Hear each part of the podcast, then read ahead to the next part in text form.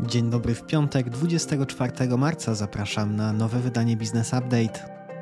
Business Update to codzienne informacje biznesowe. Odsłuchaj przed pracą i zacznij dzień z przewagą. W czwartek WIG20 delikatnie pod kreską spadł do 1706 punktów. Indeks szerokiego rynku niemal bez zmian. Główne indeksy akcyjne w Stanach na delikatnym plusie podczas sesji o dużej zmienności. Od wczoraj główne waluty bez zmian. Ropa ponownie tanieje poniżej 70 dolarów za baryłkę WTI. Drożeje złoto do blisko 2000 dolarów za uncję. Główne waluty cyfrowe ponownie drożeją o około 4%. Gospodarka i makroekonomia. Trochę danych z GUS. Stopa bezrobocia w lutym wyniosła 5,5%, tyle co w styczniu, a nowe zamówienia w przemyśle spadły o 2,2% rok do roku. Wskaźnik ten informuje o rozwoju popytu na wyroby i usługi oraz pomaga w ocenie przyszłej produkcji. Nakłady inwestycyjne przedsiębiorstw zatrudniających więcej niż 50 osób wyniosły 197 miliardów 400 milionów złotych w zeszłym roku, to prawie 6% więcej rok do roku.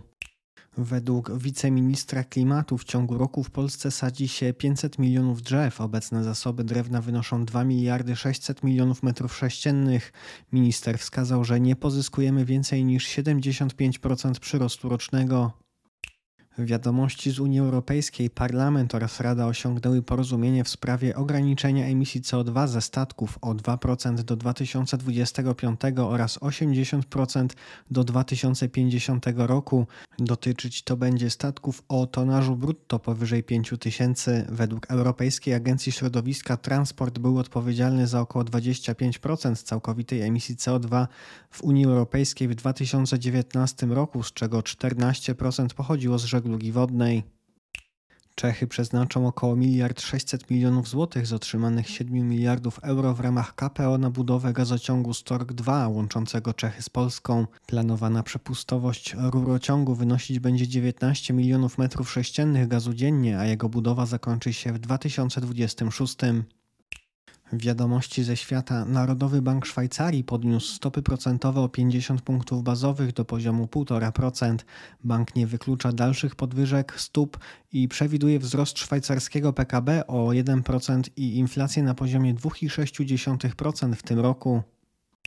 Inflacja w Wielkiej Brytanii wyniosła 10,4% w lutym, o 0,3 więcej niż w styczniu.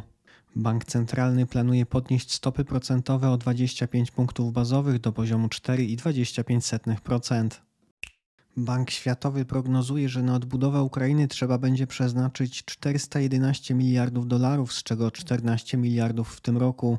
Jest to kwota dwukrotnie przekraczająca PKB Ukrainy z 2021. Bank Światowy podkreśla, że najpilniejsza będzie odbudowa sektorów transportu mieszkaniowego i energetycznego, gdzie odnotowano około 50% wszystkich zniszczeń na Ukrainie. Tymczasem rosyjscy obywatele w zeszłym roku otworzyli 1300 nowych firm w Turcji, więcej o 670% rok do roku. Informacje biznesowe. Operator systemu przesyłowego energii elektrycznej PSE udostępnił aplikację Energetyczny Kompas pozwalającą sprawdzić godziny największego obciążenia systemu elektroenergetycznego. Aplikacja pozwala na ustawienie powiadomień o godzinach szczytu, a jej użytkownicy znajdą porady, jak obniżyć rachunki za prąd. Polski Syntos Green Energy, General Electric Hitachi, Tennessee Valley Authority oraz Ontario Power Generation podpisały porozumienie przewidujące wspólne inwestycje o wartości 400 milionów dolarów w celu przyspieszenia wdrażania reaktorów modułowych SMR. Porozumienie dotyczy projektu reaktora GEH, który SGF wraz z Orlenem planuje wdrożyć do floty dziesiątek reaktorów jądrowych w Polsce. Model to mały reaktor wodny wrzący o mocy około 300 MW. ArcelorMittal Poland, zajmujący się produkcją stali oraz operujący w sektorze górniczym, rozpocznie wartą 720 milionów złotych modernizację pieca numer 2 w Dąbrowskim oddziale. Modernizacja ta pozwoli na zmniejszenie negatywnego wpływu pracy pieca na środowisko oraz zwiększenie jego niezawodności. ASECO zamierza zaoferować zarówno przedsiębiorcom, jak i użytkownikom indywidualnym usługę e-doręczeń. Tym samym będzie konkurowała z usługą Poczty Polskiej. Połączenie UBS i Credit Suisse może oznaczać, że część z 10 600 polskich pracowników z centrów usług tych firm w Krakowie, Warszawie i Wrocławiu może stracić pracę. Wiadomości z Unii Europejskiej Jeronimo Martins, właściciel Biedronki, obawia się negatywnego wpływu inflacji na marże i dochody, dlatego rozważa ekspansję w Rumunii, Czechach i na Słowacji. Firma planuje zainwestować około 450 milionów euro na otwarcie od 130 do 150 nowych sklepów i remont około 350 w tym roku. Celem Biedronki jest utrzymanie pozycji lidera cenowego i zwiększenie udziałów rynkowych w Polsce, która jest najbardziej konkurencyjnym rynkiem spożywczym w Europie. Fuzje i przejęcia, inwestycje i venture capital.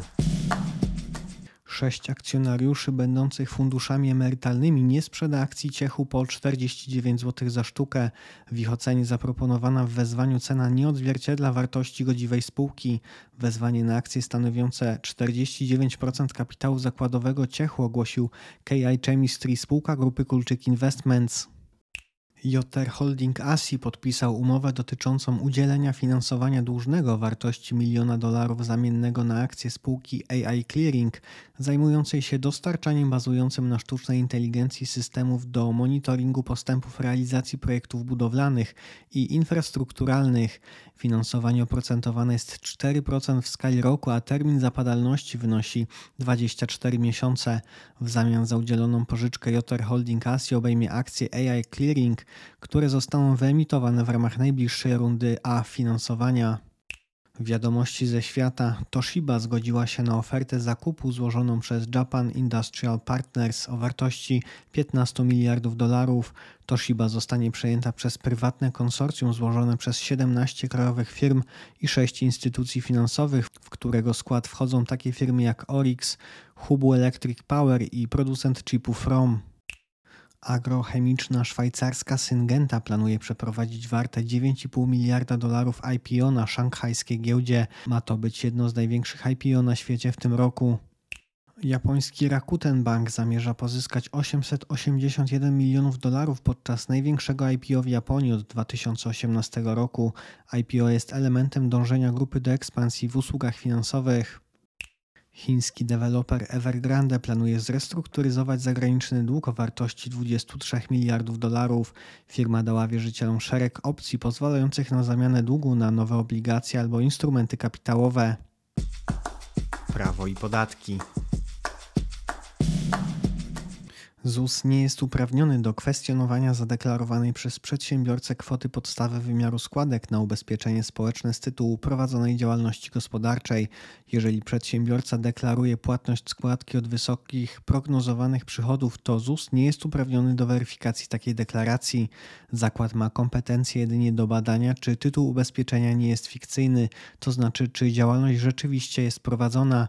Faktu tego nie zmienia okoliczność, że przedsiębiorca zadeklarował wysoką podstawę jedynie na kilka miesięcy przed korzystaniem ze świadczeń. Rozporządzenie w sprawie świadectw pracy ulegnie zmianie. Prowadzone są prace nad tym, aby wprowadzić obowiązek podawania w tym dokumencie liczby dni pracy zdalnej okazjonalnej, z jakich skorzystał pracownik w roku, w którym kończy zatrudnienie u dotychczasowego pracodawcy. Minister Sprawiedliwości będzie mógł zawiesić notariusza w przypadku podejrzenia popełnienia przestępstwa zagrożonego karą powyżej 10 lat pozbawienia wolności. Do Sejmu niebawem trafi poselski projekt zmiany ustawy o notariacie. Projekt ma wprowadzić przepisy przyznające notariuszom dokonywanie wpisów w księgach wieczystych i wydawanie notarialnych nakazów zapłaty. Naczelny Sąd Administracyjny orzekł, że przepis ustawy o CIT dotyczący kar i odszkodowań, których przedsiębiorcy nie mogą wliczyć w koszty prowadzonej działalności, należy interpretować ściśle i w żadnym przypadku nie rozszerzająco. Oznacza to, że nie ma racji fiskus twierdząc, że w żadnym wypadku przedsiębiorcy nie mogą zaliczać w koszty poniesionych kosztów kar i odszkodowań.